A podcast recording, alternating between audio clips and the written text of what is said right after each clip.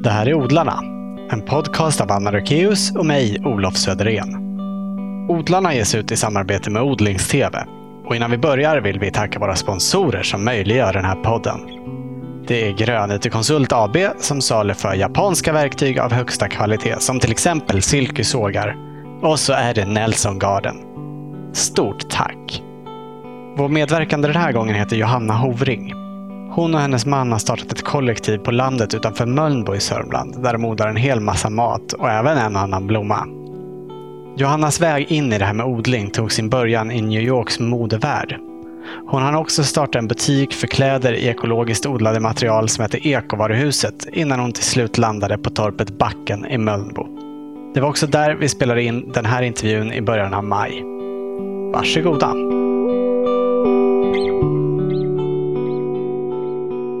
Varför började du odla? Först var det kanske mer sådär ett intellektuellt beslut tror jag. Att jag tyckte att ja, men det verkar ju vettigare att lägga min tid på det än att jobba med någonting för att köpa mat på mataffären. Och då kan jag också odla mat som jag vet vad det är och hur den är odlad och så.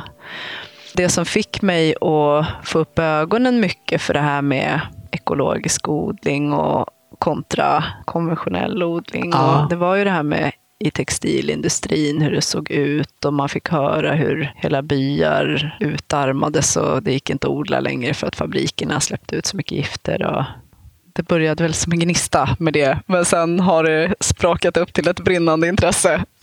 så nu, nu tycker jag att det är jättekul verkligen och skulle gärna hålla på med det ännu mer. Ja. Men jag skulle inte vilja ha det som yrke och odla för att leva på det. Det tror jag inte skulle vara min grej. Men är det mer För att det är kul än för att vara självförsörjande som du odlar? Ja, men jag tror det. Eller det är ju både och. Det är ju lika kul att, att ha mat och äta som man har odlat själv. Så Ja. det är verkligen både och.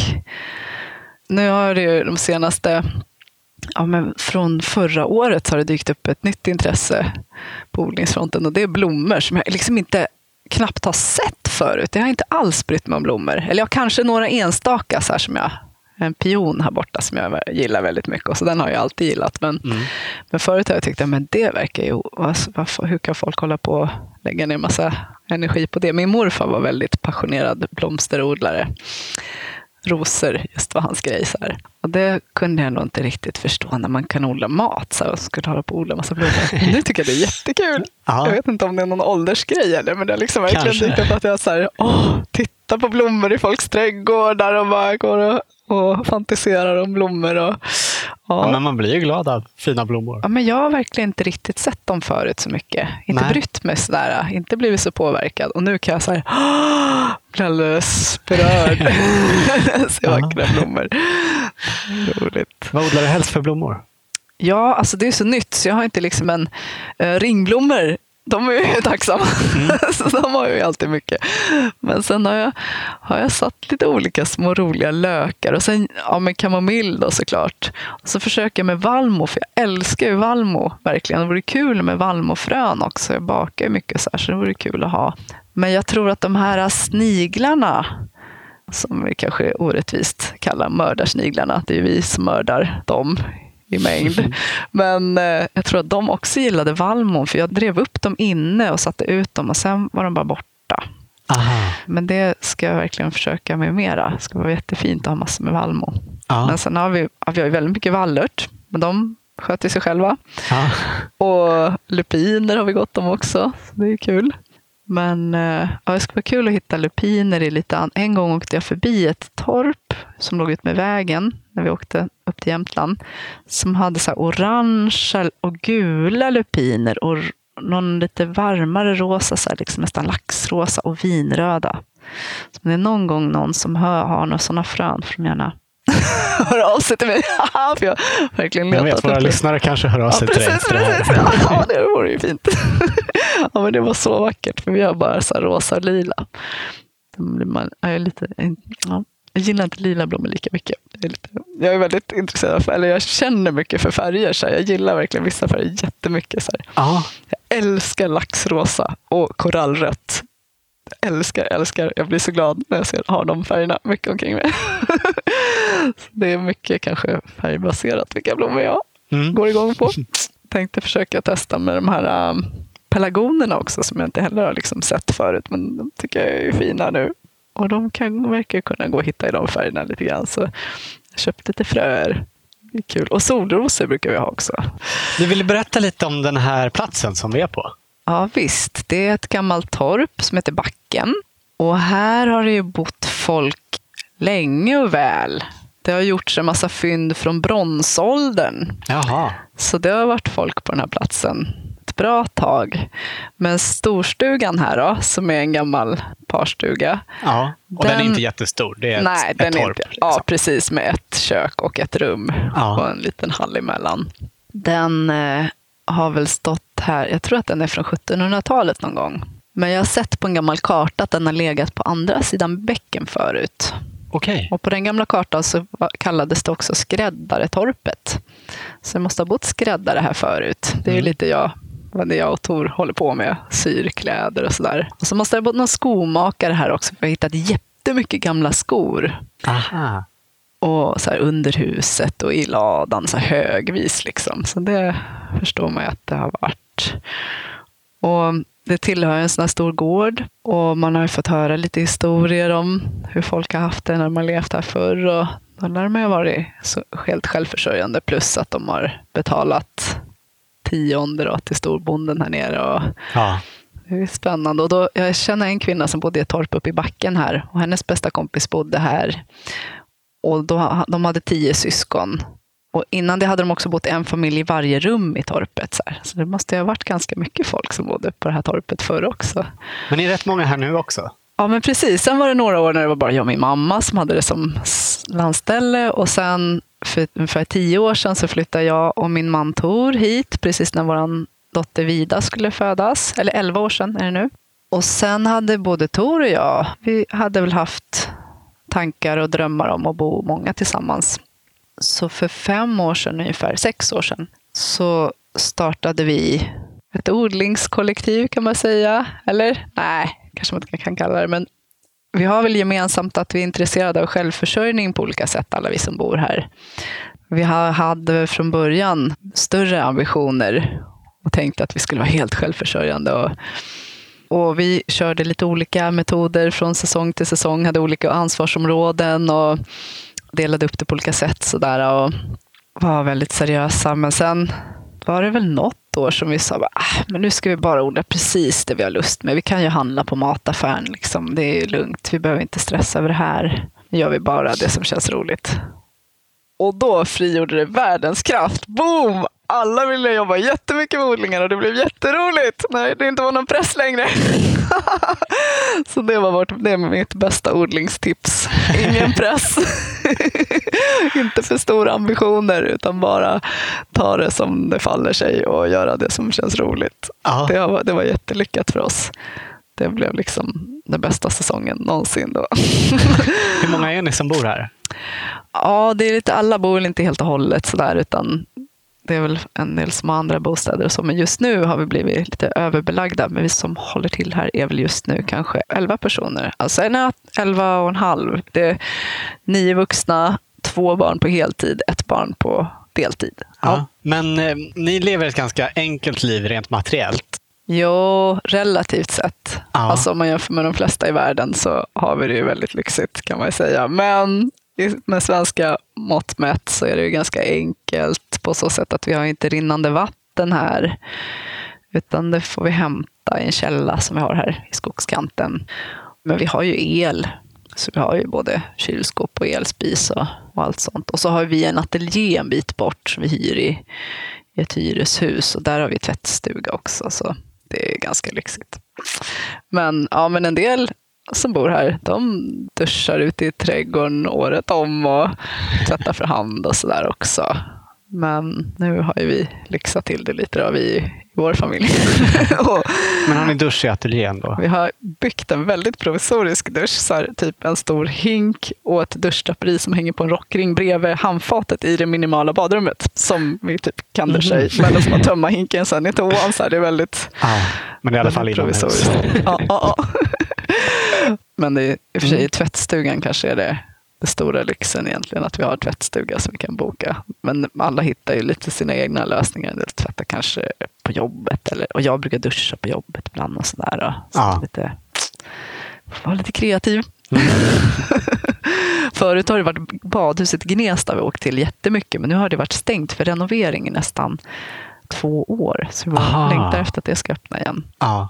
Men det här storstugan, det är liksom gemensamt kök? Ja, gemensamt kök och så ett rum som vi har Och sen som... har ni egna hus som ni bor i? Ja, Eller och vagnar. Precis, alla har varsitt litet eget krypin och så delar vi på kök och, och Mm. rummet. Och nu sitter vi i det hus där du bor med din närmaste familj. Mm, mm. Hur stort Jo. är det här ungefär?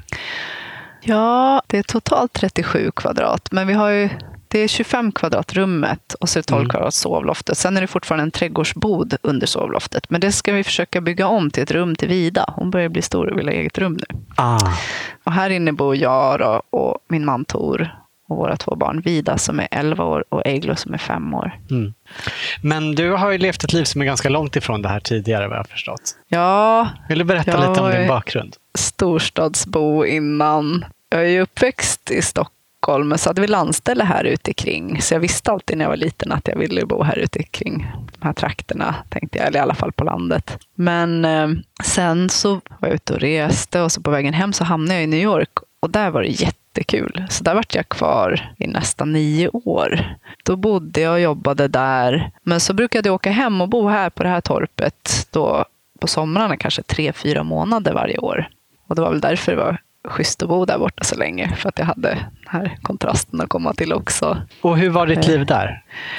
Ja, det var ju som det säkert är för de flesta som bor där. Det är mycket att stå i hela tiden. Det händer så himla mycket. Det var ju väldigt kul den där stan för att den känns väldigt fri från, vad ska man säga? Den känns väldigt fri, kanske man ska säga. Man kan lätt hålla på med lite av varje utan att någon tycker att man är oseriös inom det ena eller andra området för det. Mm. Så det var väldigt kul. Och först så bodde jag i lägenhet tillsammans med en kompis. Och sen skaffade jag en... Jag skulle väl hitta något eget och så hittade jag en butikslokal. Och där öppnade jag sen en butik som jag drev mycket tillsammans med kompisar som också gillade att hålla på med handarbete och både ja, men virka och sticka och sy. Och att det var handarbete är något som jag alltid varit intresserad av. Och sen eh, ja, så jobbade jag med lite olika grejer och så drev vi den här butiken. Och Du jobbar för som stylist va? Ja, jag jobbar ju med massa olika grejer. Men mycket så här med ja, kostymör på film och stylist. Och det var väl de jobben jag försörjde mig på. Det där äh, med butiken och allt det där roliga kanske inte gav lika stora ekonomiska inkomster. Men det var nog mycket genom att jag jobbade i textilbranschen och modebranschen då, som gjorde att jag fick upp ögonen för det här med hur det gick till i textilindustrin och i odlingen och jag började väl intressera mig mer för produktionssidan och man ringde folk ibland från ja, men agenter från fabriker i Kina som erbjöd produktion för en spottstyver. Och jag började väl få upp ögonen mer och mer för hur det fungerade. Och när vi jobbade med de här ah, reklamkampanjerna eller reklamfilmerna eller vad det var vi jobbade med så var det ju som att vi bara badade i överflöd av allt.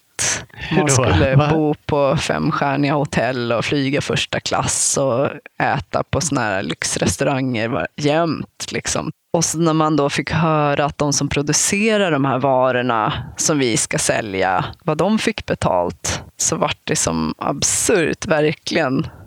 Det var väl någon som sa något, det kommer något så här konkret exempel, så här mycket fick Michael Jordan för, för den här reklamkampanjen för de här skorna och så mycket fick den som tillverkade skorna. Och, och det satte liksom snurr i min skalle och jag började tänka mer och mer. Och så fick jag väl höra talas om en film om eh, något svenskt modeföretag som hade fabrik i en by i Indien och hur de som bodde där i den byn inte längre kunde odla sin egen mat för marken var helt förgiftad från, av fabriken. Då, och de var tvungna att köpa mat utifrån och alla i familjen från liksom barnsben till de stupade tvungna att jobba i fabriken sju dagar i veckan, 18 timmar om dagen. Ah, så här, och så Mm. började man ju kolla på sådana filmer och höra mer hur det gick till. Så blev det ju väldigt intressant att försöka hitta alternativ. Då. Mm. Ja, med den kunskapen Ja. så kanske det är svårt Ja. att njuta av de där femstjärniga Ja hotellen. men och- visst, ja men visst, eller hur? Ja. Herregud. Och det gjorde ju att mitt intresse för ekologisk mat vakna och odling och det har väl bara följt på det då. Mm. När var det som du bodde i New York? Jag flyttade väl dit när jag var 21, 96 kanske. Jag Ja. flyttade väl hem när jag var nästan 30 då tror jag. Nu är det ju väldigt eh, hett med stadsodling och man hör ju mycket om eh, stadsodling i New York. Mm. Fanns det när du bodde där också? Ja, men det gjorde det ju verkligen. Ja, det fanns ju fantastiska små trädgårdar. Det, brukade, det var en som jag brukade som låg nära där jag bodde, där jag brukade va- sitta och vara jättemycket, bara vara där liksom, i den trädgården. Mm. Och det är någonting som inte många vet. Att jättemånga av de här odlingarna har kommit upp på öde tomter, då, där det är ingen gamla rivningstomter och sådär. Och plötsligt hade staden New York fått för sig att nej, men nu ska vi liksom sälja ut de här och folk ska bygga hus och vi ska tjäna massor med pengar. Men då kom en hjältinna vid namn Bette Midler och köpte upp alla de här tomterna för att de skulle få vara kvar som trädgårdar. Wow! Värsta grejen! så himla häftigt. Jag vet inte liksom vi- vilka och hur många och så här, men det var verkligen hon använde sin förmögenhet till att köpa upp massor av de här Ja, vet du om hon trädgårdarna. äger dem fortfarande? Jag vet inte, jag tror, jag tror att hon liksom gav dem till de här trädgårdsföreningarna. Ja. Men jag, jag vet inga detaljer mer än så. Men det var ju fantastiskt. Midler. häftigt. Vi får ha med henne i odlarna någon gång. Hade du några odlingar i New York? Nej, nej. Vi försökte sätta så ett träd utanför butiken. Vi byggde en stor odlingslåda. Så åkte vi upstate och köpte liksom en björk, för jag längtade efter björk. Men den dog ju typ på en gång. Ja. Det, var inte så. det finns ju säkert andra träd som klarar av sådär mycket avgaser, och, men inte björken. Nej. Men till slut så flyttade du tillbaka till Stockholm och öppnade en butik här Ja. också. Ja, och det hade jag inte alls tänkt. Jag var så nöjd med att inte ha butik längre. Då. Men sen efter några månader här hemma så började jag nog sakna det där lite grann också kanske. Eller ja, jag kom väl snöade totalt in på det här med ekotextil. Och ja, vad skillnaden var med ekologiskt odlade textila material. Så då vart jag väldigt passionerad kring det. Att visa att man kunde använda det istället. Ja. Och då öppnade du Så Då öppnade jag ekovaruhuset. ekovaruhuset i Gamla stan. Och sen några år senare så öppnade vi en filial i min gamla butikslokal i New York. Ah, så du öppnade i på nytt där Ja, då? ja Mm. visst. Så det var ju mycket stoj. Men du startade det ekovaruhuset 2004 och då var det inte så mycket prat om ekologiska textilier och Nej. så här, schyssta arbetsvillkor inom den branschen och så. Nej, det var inte det. Inte då, nej. Jag tror att det hade säkert funnits en tidigare våg, tidig 90-tal kanske, men då var det väldigt... Man kunde höra folk som gick förbi utanför på gatan där i Gamla stan som var så här, ekovaruhuset. Vad är det för någonting? och så kom de inte in. det var jättefå som kom in i butiken. Det var verkligen minimalt intresse under några, ett par år. Ja. Men sen då, Det var svårt att få igång det. Ja, ja, ja, herregud. Men det var ju några, tack vare några så här jätteintresserade kunder som, som gjorde att man ändå höll modet uppe. Och sen 2006, då började ju folk intressera sig mycket för det. Och då kom det igång verkligen. Att det kom ut information vad det var. Och, och att vi var ett gäng som var igång med olika både designers och butiker och så där, som jobbade ganska mycket för att sprida ordet vad det handlade om. Och, så då var det full fart ett tag. Ja. Och sen kom finanskrisen. Kan man säga att det saktade av väldigt rejält. ja, berätta. Ja, det var ju från en vecka till nästa. Från att det stod i tidningen att det var finanskris så halverades försäljningen och stannade på halva. Är det här i New York-butiken eller var det så här i Ja, Stockholm där var också? det lite segt redan från början. För där hade finanskrisen, den slog till ganska precis när vi just hade öppnat där borta 2006. Mm. Där var det väl mer märkbart att folk verkligen blev av med jobben och att det verkligen var mer på riktigt än i Stockholm tyckte jag. Men och det var svårt också att driva butik så långt borta. Det är ju, var ju lite en sån bransch som man kanske, man kanske måste tala för och, och kunna informera om vad det är. Och det var ju bäst och vara i sin butik för att driva den. Det var det. Men det var ju väldigt kul. Det var ju kul att Tor och Vida fick lära känna alla mina kompisar där och mitt liv där borta. Mm. Och att vi flög dit då, två gånger om året. Det var ju ganska slitigt kan jag tycka så på efterhand. Jag var bara så inriktad på att jag skulle sprida det här. Det fanns ingen sån butik där och jag tyckte det var så viktigt. Och, så det var, det var väl något som man på efterhand. Jag tänkte nog mest att det var ganska jobbigt och ganska ohållbar situation. Det fanns ju som sagt inte så mycket ekotänk med kläder och så på den tiden. Var det svårt att hitta kläder som kändes okej okay att köpa in? Från början var det ju världens utmaning. Då var det jättefå som gjorde ekologiska kläder. Men det fanns ju ändå liksom många nog så här, tyska företag där det kanske fanns liksom några modeller i kollektionen som ändå var jätteschyssta. Och att det var mycket som var jättetråkigt, men det fanns liksom små guldkorn här och där. Och, och så var det några svenska, några som hette Sion och Dem Collective var några så som, som hade satt igång och gjort jättefina grejer. Var det svårt att hålla koll på hela kedjan? Ja, men absolut. Jag fanns ju inte på kartan för mig att jag skulle kunna åka runt och kolla allting. Liksom. Nej, jag fick ju bara fick lita på, att folk på certifieringar det och, och ja, det de berättade. Och, för det jag kunde ju bara lova att ja, det här, enligt mina, mitt omdöme så verkar det här vara ett bra företag. De verkar seriösa. Eller om jag märkte att några inte verkar seriösa så slutade jag ta in deras grejer. Men, men jag kunde ju liksom inte åka runt och kolla upp någonting. Nej. Det var, mer, det var ju några som jag var i mycket kontakt med, några tjejer från Göteborg som hette Dem Collective. De mm. gjorde ju det mycket, reste runt sådär och hälsade på olika, både Fairtrade-kooperativ och också vanliga odlingar. Och liksom, de satte sig in i det jättemycket, så för mig var det mer hörsägen av vad mm. jag fick höra från dem och vad jag läste. Och sådär. Och sen kom finanskrisen då, ungefär i samma veva som du började känna att det inte kändes hållbart för dig. Ja, alltså det där med New York-butiken kändes ju kämpigt allmänt, men jag var så himla inriktad. Det fanns inte på kartan i min värld att jag skulle stänga. Nej. Det gjorde det absolut inte. Så nu på efterhand så tycker jag att det var en stor välsignelse med den här finanskrisen. För annars kanske jag hade swishat runt och försökt vara affärskvinna fortfarande och det var hemskt tycker jag så på efterhand. Ja. Det var verkligen tråkigt att åka härifrån när alla här andra, vi hade startat kollektivet och alla andra höll på att planera vad de skulle göra med odlingarna på dagen och så bara, här ska jag åka in och öppna butiken, vi ses om tolv timmar då, hej då. Mm. Det var jättetråkigt verkligen. Ja, sen var det väldigt roligt när man väl var i butiken, men nu tycker jag att det är jätteskönt att inte leva den typen av liv.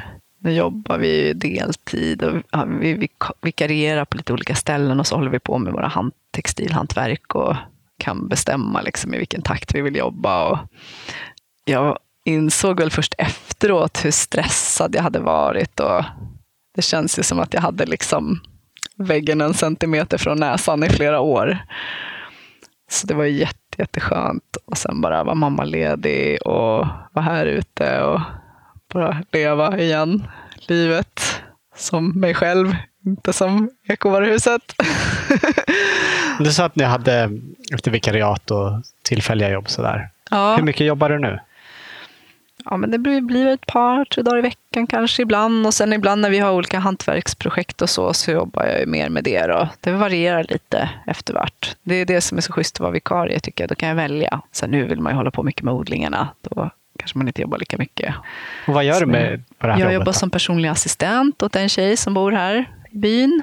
Och sen så är det en dagverksamhet som hon också jobbar på, som är så här, folk som har olika funktionshinder och behöver extra hjälp på jobbet och sådär. Så det trivs jag jättebra med verkligen. Bara, det hade jag aldrig trott. Jag har nog varit lite rädd för att ha jobb sådär. Fast, eller jag är så van att ha eget bara. Men det är jätteskönt att inte ha eget, tycker jag. Eller vi har ju en firma, vi har Tor har en firma också, som vi håller på med, med hantverksprojekten och så. Det är ja. en lagom hanterbar skala. Ja. Vad är det för hantverksprojekt ni gör? Ja, vi gillar ju att hålla på med ull mycket och sy kläder. Och vi har hållit på nu i några år med en utställning som heter Next Level Craft som ehm, har visats på länsmuseerna i Umeå, Östersund, Härnösand och nu är den i Jokkmokk.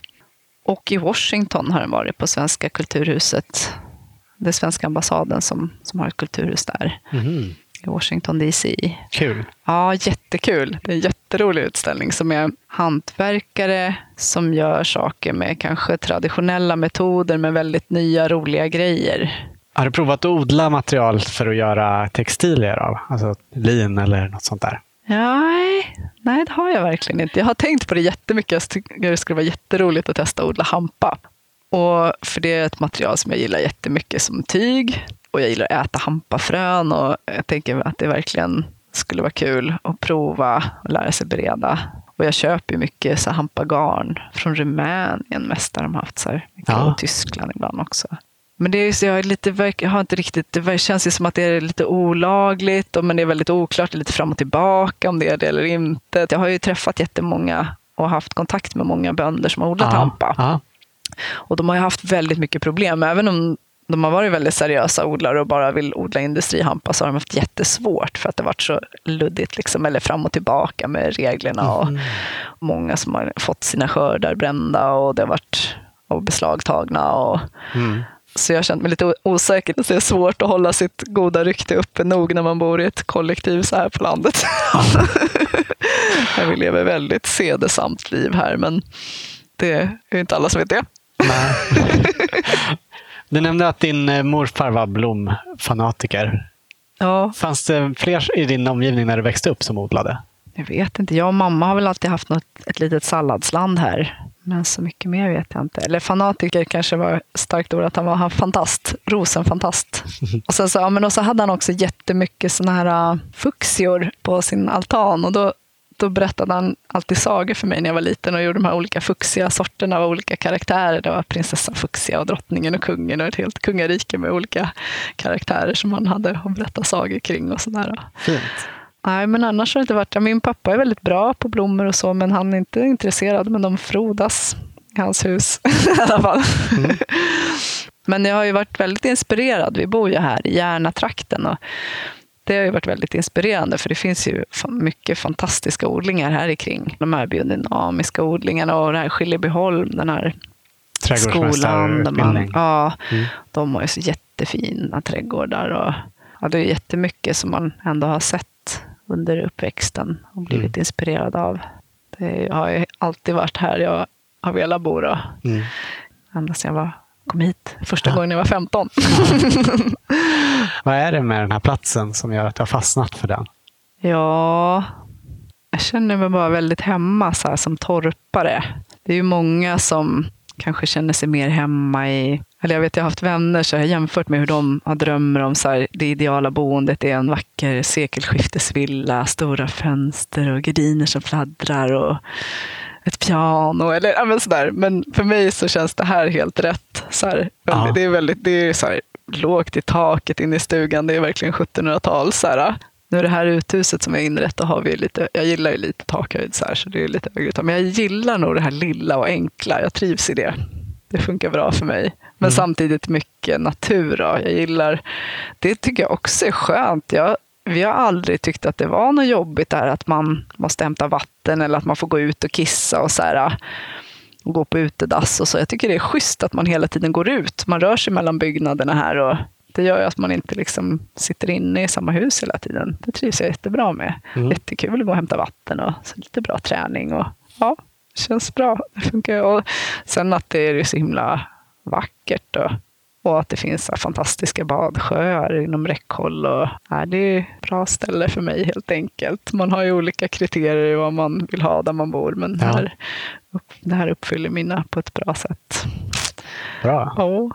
Vet du hur dina barn upplever att bo så här? För de kanske kommer i kontakt med folk som bor på helt andra sätt i skolan och sådär. Ja, alltså de flesta i deras, eller i Vidas skola i alla fall. Då. För det är många som frågar, det är så här, men är det inte jättekonstigt för dem? Lever inte alla deras kompisar så himla annorlunda? Men det är väldigt många. Det är liksom, hon har klasskompis som bor i vagn och hon har, folk bor kanske i små lägenheter i Järna. Det är liksom inte så att det känns som att det var ju annorlunda när hon gick i kommunala skolan här i Mölnbo, för då bodde ju i stort sett alla i så här 200 kvadrats villor med ja, men fullt entertainment system med surround sound och fatboy-stolar. Nej, men det var liksom en helt annan livsstil. Mm. Nej, alla hade inte så heller, men det, men det var ju en helt annan tillvaro. De, många av hennes klasskompisar då hade. Men den skolan hon går nu så är det inte så, jättestor skillnad. Det är folk, kanske ja, men många som bor i kollektiv och många som bor alternativt på olika sätt. Ja ja, de älskar att bo här i alla fall. Om vi liksom någon gång har så här, bara lekt med tanken eller pratat om så här flyttar de bara nej! Mm. Det är väldigt kul, tänker jag, att bo så här.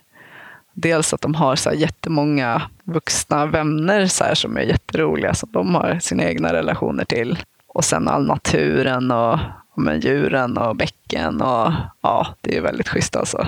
Ja. Samtidigt också nära till tåget och nära in till byn. Så, här, så det är bra. De verkar trivas bra. Mm. Hur hittade du de andra som flyttade in här och började odla ihop med dig? Då? Ja, ju, vi hade ju gått och, och drömt om det här länge och pratat med många. Och, men sen när det öppnade sig möjligheten och, och, vi tänkte att nu är det dags att göra verklighet av det, då var det, då var det som att de föll bort de flesta. När det blev verkligt så kanske det inte var lika lockande att leva så här enkelt och men då lärde vi känna en kille som bodde uppe i skogen i en liten koja här. Och via honom lärde vi känna ett helt gäng med folk som hade bott mycket i skogen och tyckte att det här var ju liksom ett lyxpalats. Ja. Så här, såna här bekvämligheter var inte de vana vid. De tycker det var fantastiskt. För när du säger bott i skogen, då menar du inte Verkligen bott i ett hus skogen. Nej, nej, i kojor skogen, liksom. Typ. Ja, ja, tippis och kojor och hjorter. Och, ja, att folk hade gjort det på olika sätt av olika anledningar. Men då hade de ju levt jätteenkelt. Så då blev ju det här jätteflott. Men hur har ni lärt er odla? Ja, det har vi verkligen mest bara genom att prova. För det har väl inte varit någon av oss som har någon utbildning alls.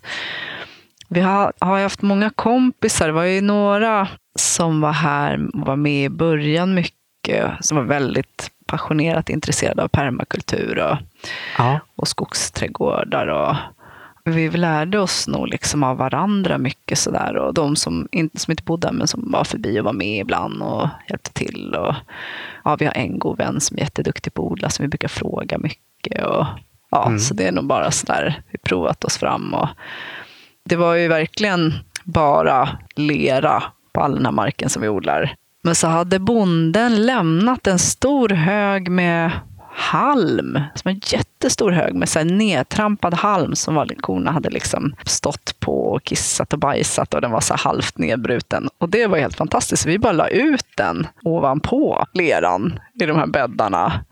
Och så började vi göra, den var så kompakt så, här, så det var, ja, vi grävde nog ingenting från Kanske några bäddar kanske har varit lite grävt i, men så gjorde vi bara små hål eller små rännor i den här halmen där vi la i lite jord som vi hittar någon annanstans. Här, här inne på gården, liksom i trädgården, har det varit bättre jord. För där har de nog hållit på och haft lite rabatter. Och, så om man gräver upp gräsmattan så här så kan man hitta jättefin jord. Men mm. så tog vi sån jord och så la vi liksom i små gropar den här halmen och, och började odla i och sen bara täckte och la på mer och mer hela tiden. Så, så har det blivit riktigt bra nu här till slut. Ja. De här odlingsbäddarna. Men äh, vi lär oss ju hela tiden. Vi har jättedåliga uppdrivningsmöjligheter så vi borde ju verkligen bygga ett växthus. Verkligen. Alla har haft olika känslor för var det här växthuset ska ligga och vi har inte kommit till skott riktigt men nu har vi kommit på att vi skulle kunna bygga två olika mindre växthus istället så alla blir nöjda med läget. men försöker ni liksom bestämma allt i konsensus eller hur jo, jobbar ni rent väl, demokratiskt? Det har väl varit det som har varit vår strävan mm. så mycket som möjligt. Men sen har det väl inte, väl inte alltid det har funkat helt exemplariskt heller, utan det kan ju vara de som har haft mest intresse för något kanske är mer drar i vissa projekt. Och, ja. Mm. Blir det mycket Men, konflikter? Vi har jobbat jättemycket med det här sociala biten och leva så här nära. Vi har haft mycket så här samtalscirklar och försöker att lyssna på varandra och inte köra över varandra. Och att vi alla ska få ha vår åsikt och göra saker på olika sätt. Men det har ju varit såklart Tor, min man, då, han, är ju, han kan ju allting bäst såklart, tycker han. Och han kanske inte är så pedagogisk jämt. Så det har väl varit vissa duster kring det då. det känns ja. lite jobbigt att ha någon som är så jävla bra på allt som alltid kommer och säger åt en att det går att göra på något bättre sätt. Men eh, ibland är det ju väldigt till bra hjälp, men ibland så är det ganska kul att få göra sina egna misstag också. Och sen att man är så olika hur man gör. Att en del av oss är väldigt långsamma och vill hellre så tänka efter länge innan man gör någonting så att det blir bra när vi väl gör det. Och en del vill bara att det ska bli gjort. Det ska gå snabbt. Men jag vet inte, jag tycker att det har varit, att det funkar bra ändå. Mm. Vi är väl bra vänner tycker jag, alla vi som bor här. Och tycker jag har landat, eller att vi har jobbat med att, att våga ta hand om dem eller prata om det som händer och, och det vi känner. Och, mm. Så jag tycker att vi har lärt känna varandra jättebra. Och det är det ofta som krävs. Egentligen så funkar det att göra saker ihop med nästan vem som helst. Det är min insikt, tycker jag, efter att ha bott med så många olika människor. Att de flesta, om man bara lär känna varandra och lyssnar på varandra så brukar det, ja, man får så bra förståelse för varför man gör saker på olika sätt. Då. Ja. Men ja, nej, det har ju varit både och alltså. Men väldigt, väldigt lärorikt. Ja. Hur ser arbetsfördelningen ut i odlingarna? Ja, ja, men vi har ju provat lite olika. Just nu kör vi liksom bara free flowar. Gör lite vad som känns roligt och så här, och det man ser behöver göras. Och alla har ju liksom lite olika sätt att göra saker. Det är några som mer vill köra sina egna odlingar. De kör lite mer sina egna land sådär. Och funkar väl det också, så länge det är många nog som vill vara med på det gemensamma. Så Sen brukar vi ha så fantastiska arbetsdagar. Det är det bästa. Det är också ett hett odlingstips. Det finns ju en massa stadsbor som bara längtar efter att komma ut på landet och ha roligt och odla tillsammans. Alltså ni bjuder hit en massa folk? Hit massor med folk och så bjuder vi dem på massa god mat och så jobbar vi mm. tillsammans hela dagen och har jättetrevligt. Mm. Jättefantastiskt. Ja. Jag är så tacksam för alla som kommer hit och hjälper oss. för det är verkligen ja, det är superlyckat. För det är just när man har så här mycket odlingar, det, man behöver ju vara ganska många, tänker jag, om det inte ska bli för stor börda. Mm. Det blir mycket roligare om man är fler och gör det tillsammans. Vad odlar ni? Ja, där är vi också lite olika vad vi gillar, men det brukar ju bli en blandning. Jag tycker det är kul att odla alla såna här saker som är så lyxiga som man inte har råd att köpa i affären. Så här. Och det kanske en del tycker att det är så lite onödigt. Men vi odlar ju allt, ja, men typ sparris och mm ja, men tomater, så olika fina roliga tomater och alla kryddväxter. Och, men, nej, men vi odlar ju nästan det, alltså det mesta. Vi potatis och morötter Det vart ju väldigt dåligt förra året, men nu ska vi verkligen satsa på morötterna. Men och palsternackor och med pumpa och zucchini är såklart den stora grödan. Det är ju så lätt. Det går jättebra här verkligen. Så det har vi ju absolut. Är vi ju självförsörjande på pumpa året om. Det är väl en och annan här som verkligen börjar tröttna på pumpa, men jag tycker fortfarande det är jättegott. Ja. Men, eh, ja, men så har vi så bärbuskar och ska vi nog köpa några äppelträd faktiskt nu i år tänkte vi. Ja. Vi har egentligen, ja vi har något litet men sen har vi ett jättegammalt som, ja, ibland ger det bra med frukt, men inte något vidare. Men det vore kul att ha mer fruktträd. Det visar sig ett fint persikoträd här utanför också. Ja, ja, det är som ett mirakel det här persikoträdet. Det fick vi av några goda vänner, Scott och Dante, för ett antal år sedan. litet... Dante Hellström, ja, som ja. har varit med i Odlarna förut. Jajamän, jajamän, ja. Och vi planterade väl det för tre år sedan kanske. Och man hade inte vågat tro att det där skulle bli något. Det är fortfarande ganska litet. Men förra sommaren så dignade det av söta, underbara persikor. Alltså det var som att det verkligen grenarna höll på att vika sig. Det var ah. helt fantastiskt. Gud. Ja, jag kunde inte tro att det var sant. Och de var jättegoda. Godaste persikor jag någonsin har ätit. De heter Marie Aprikot. Ah. Så ja, enligt namnet kanske det var aprikoser, men de smakar ser ut som persikor. De kommer från den här Blomqvist, den här handelsträdgården i Finland, som säljer mycket såna här skogsträdgårdsväxter. Och, ja. och vad har ni för zon här? Alltså jag vet inte riktigt. Det är som lite svalare än Järna till exempel, som ligger närmare havet. Ja, så tre kanske? Tre kanske. Ja, ja, kanske två, tre någonstans. Men Ja, det har ju klarat vintern och det var ju ganska kallt nu i vintras. Och det står ganska oskyddat? Ja, ja det står faktiskt tyvärr helt oskyddat, men det har klarat sig bra. Ja, Mm. visst. Kul. Jättelyckat. Ja, fantastiskt. I vilken grad är ni självförsörjande nu då? Vi köper väl inte så mycket grönt på sommarhalvåret i alla fall. Sen fick vi inte inlagt så särskilt mycket förra året, så det är lite olika från år till år. Vad ska man satsa på att odla om man vill köpa så lite mat som möjligt? Ja, men det man gillar att äta tänker jag mest. För oss har ju verkligen pumpa varit lyckat. För vi har ju heller inte någon vettig jordkällare här. Det är ett problem. Hur lagrar ni mat då? Ja, typ in i hallen. Vi har en kall hall. Så pumporna har ju funkat jättebra. Först tar vi in dem då någon vecka eller två i värmen och sen så kan de bo ute i hallen hela... De har ju hållit ända fram till maj liksom. Men eh, annars så får vi ju lägga in syra och sådär. Men eh, vissa, som nu var det så kallt så nu frös det nästan till och med i hallen. Och just det, vitlök har varit en väldigt bra gröda för oss också. Det har funkat jättebra. Ja. Och de är ju lätta att lagra också. Ja, det kan man ju ha i rumstemperatur. Ja, men precis. Det funkar jättebra. Det har vi haft hur mycket som helst verkligen. Det är jättekul. Men potatis och morötter och så, då har vi liksom bara, ja, vi har bara haft dem där i den här kalla hallen liksom och täckt över dem lite grann och så. Men de har alltid tagit slut, tror jag, nästan innan det har blivit som kallast så där. Fram till jul så är det nästan, har det nog varit slut.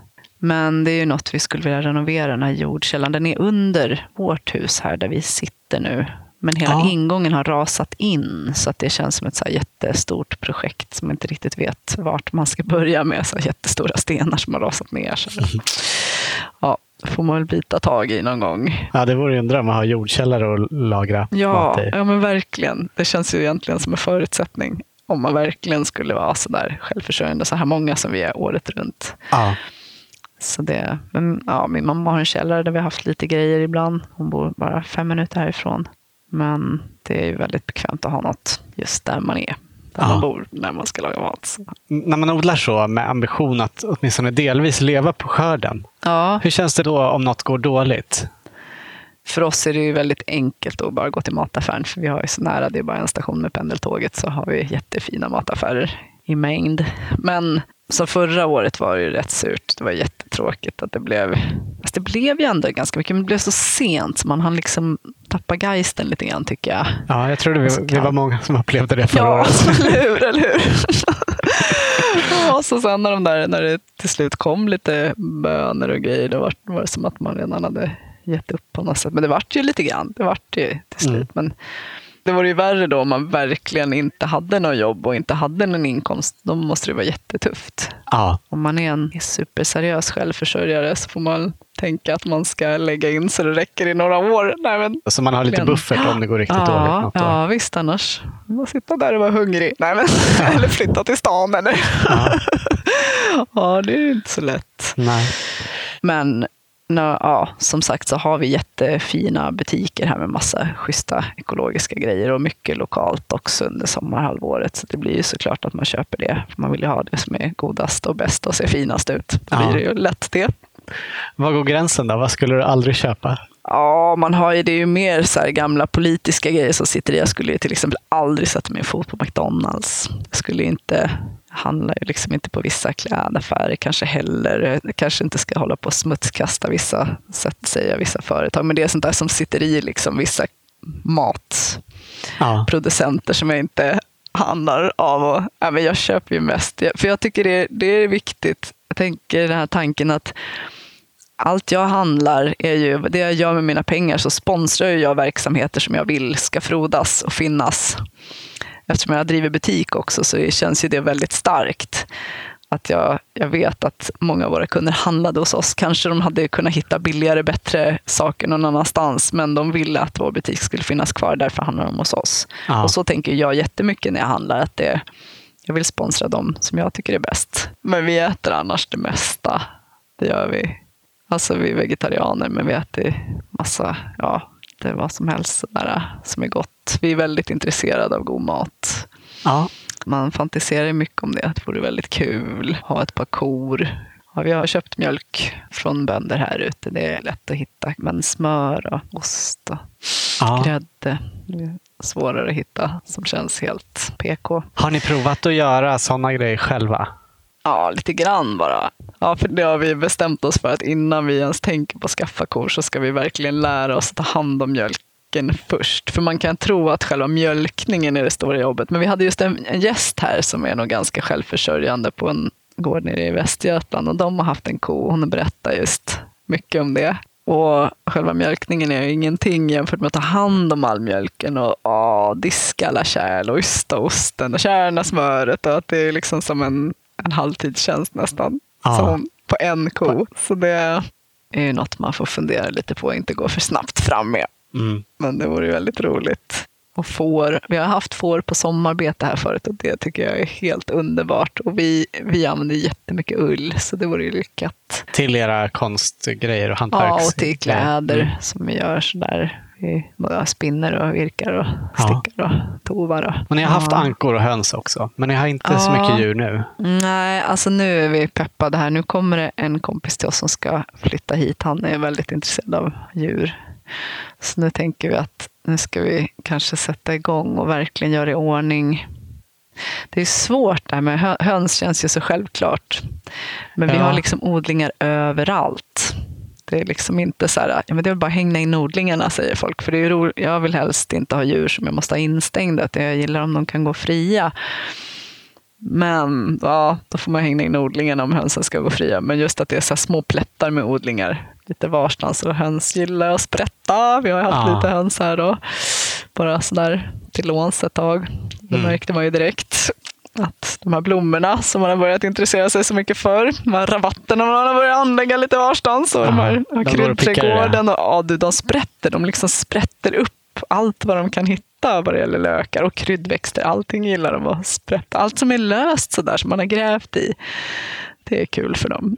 Jag har hört folk som har tränat sina höns att äta mördarsniglar och det vore ju verkligen perfekt. Men vissa har ju ankor mot dem. Myskankor. Ja, men det var ju därför vi skaffade ankor också då. Ja, men det var det. våra ankor, ja, de, de åt dem gladeligen och vi klippte sönder dem och rullade dem i havregryn och Ja. la dem i matskålen.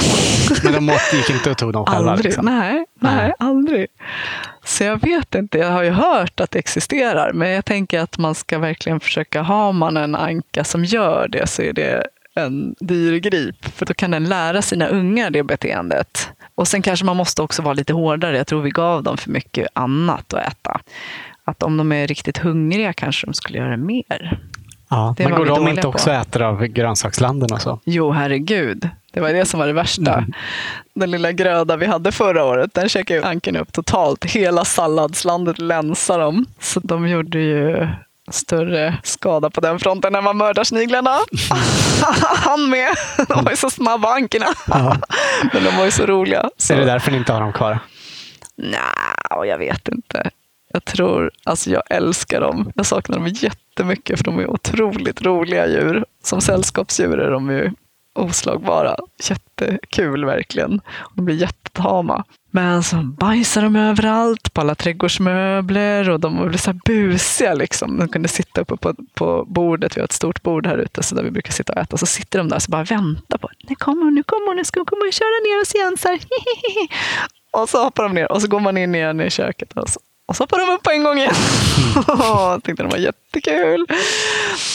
Och fjädrar över hela trädgården. Och, ja, det var Mm. lite olika anledningar till att... Fast egentligen, vi hade tänkt att spara bara lite färre. Vi råkade få lite många. Vi hade varit liksom över 40 anker här förra sommaren.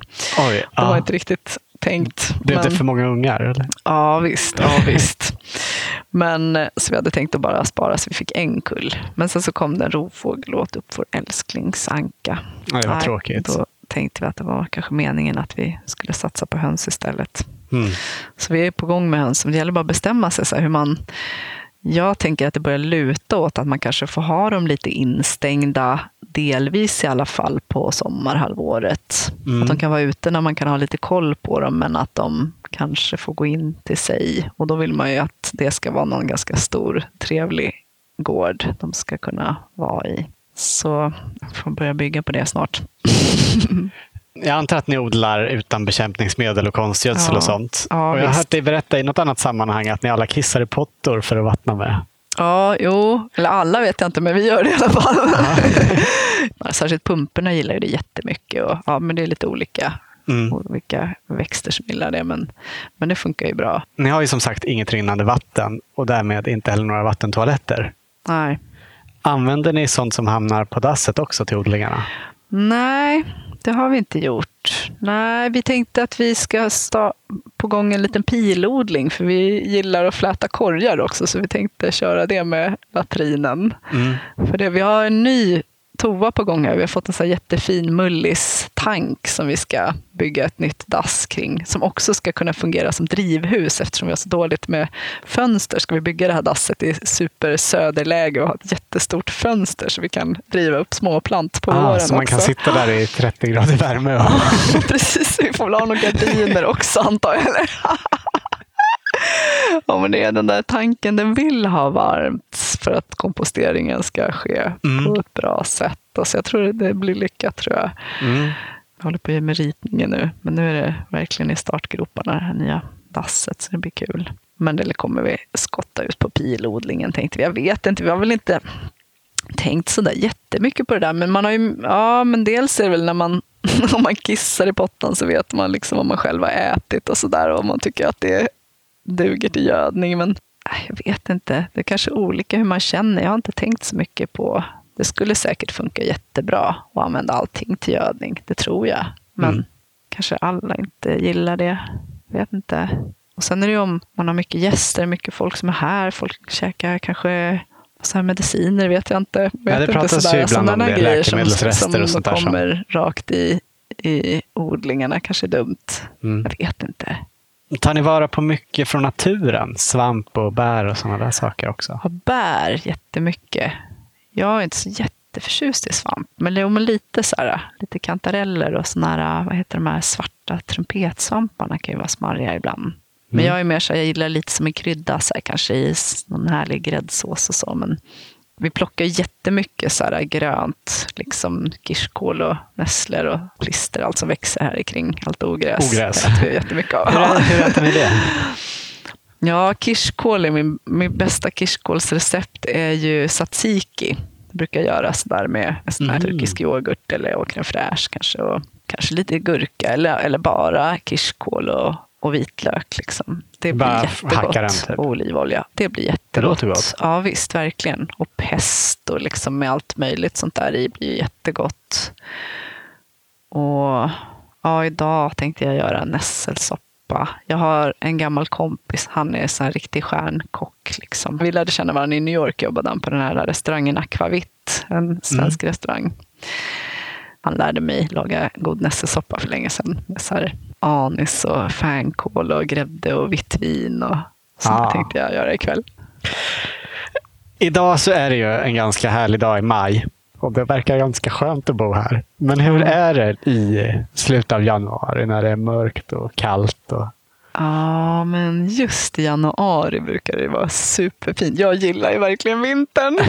Jag älskar att åka långfärdsskidor och det är jättefint här på fälten här. Och så, här. så när det är liksom snö och ljust, då är det helt underbart tycker jag. Men det är olika hur man känner. Alltså jag tycker att det är kul med vintern. Jag tycker det är jättehärligt. Jag tycker inte alls att det är något problem faktiskt. Alls. Men, ja, men vi har ju som sagt vår tvättstuga i vår ateljé där borta och så har vi ju ja, men både mamma och pappa i närheten. Man kan åka och duscha och sådär. Och... Men här i ert hus så ser jag att det är bara englasfönster. Är det inte svårt att hålla värmen? Nej, men det har faktiskt inte varit. Det är som att det kompenserar det här med att det är så tjocka väggar, för det har liksom varit rätt varmt. Alltså det har inte varit när det är som kallast, om det är så 20 minus, mm. då är det ju mer, då kanske man inte hänger här inne så mycket. Utan då, för inne i köket är det alltid jättevarmt, för där har vi vedspisen och den är ju alltid igång på vintern. Ah. Så där blir det som en bastu lite grann.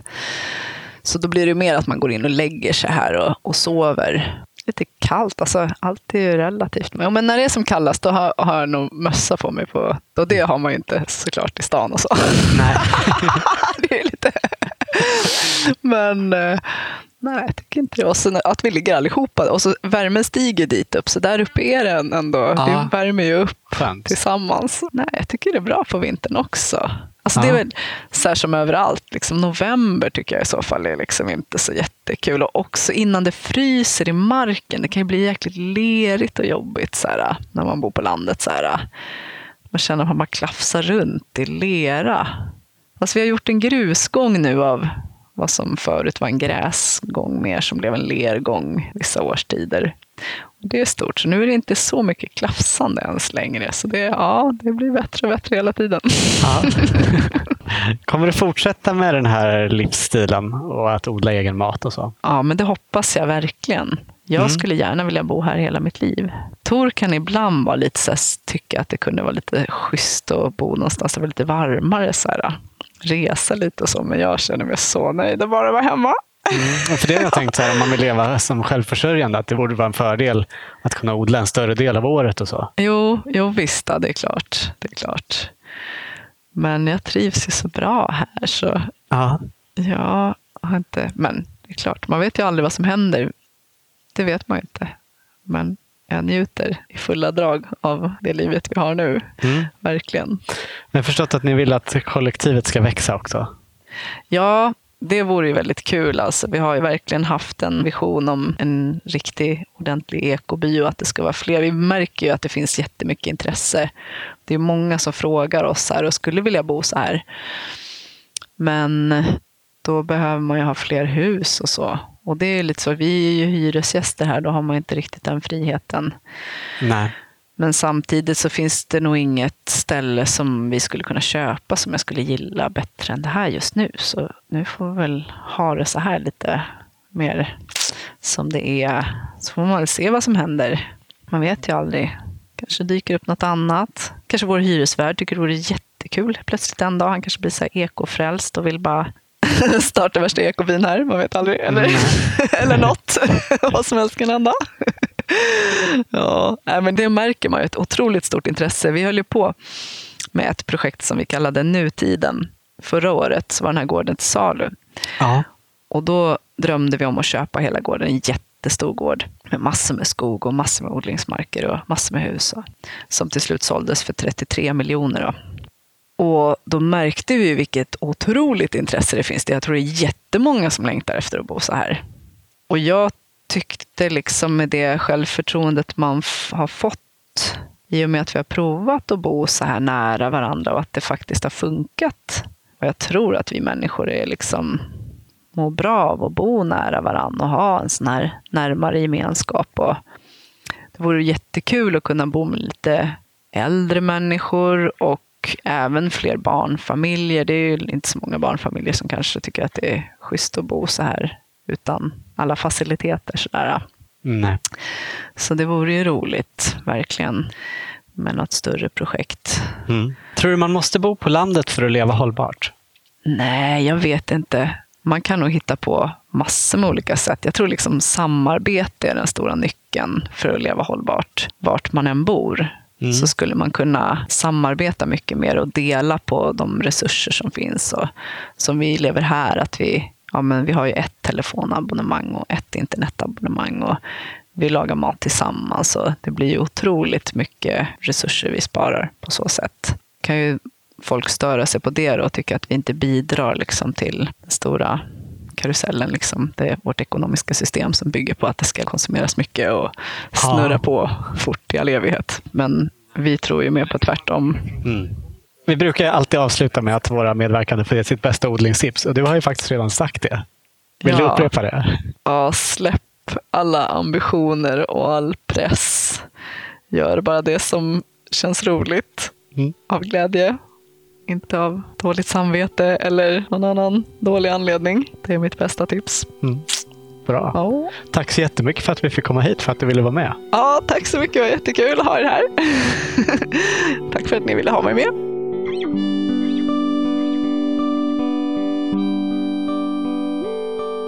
Du har hört Johanna Hovring intervjuas i Odlarna.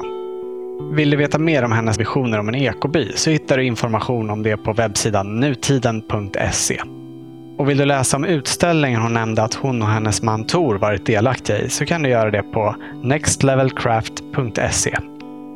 Tack så mycket för att du lyssnat och stort tack igen till våra sponsorer Nelson Garden och Grön IT Konsult AB som möjliggör den här podden.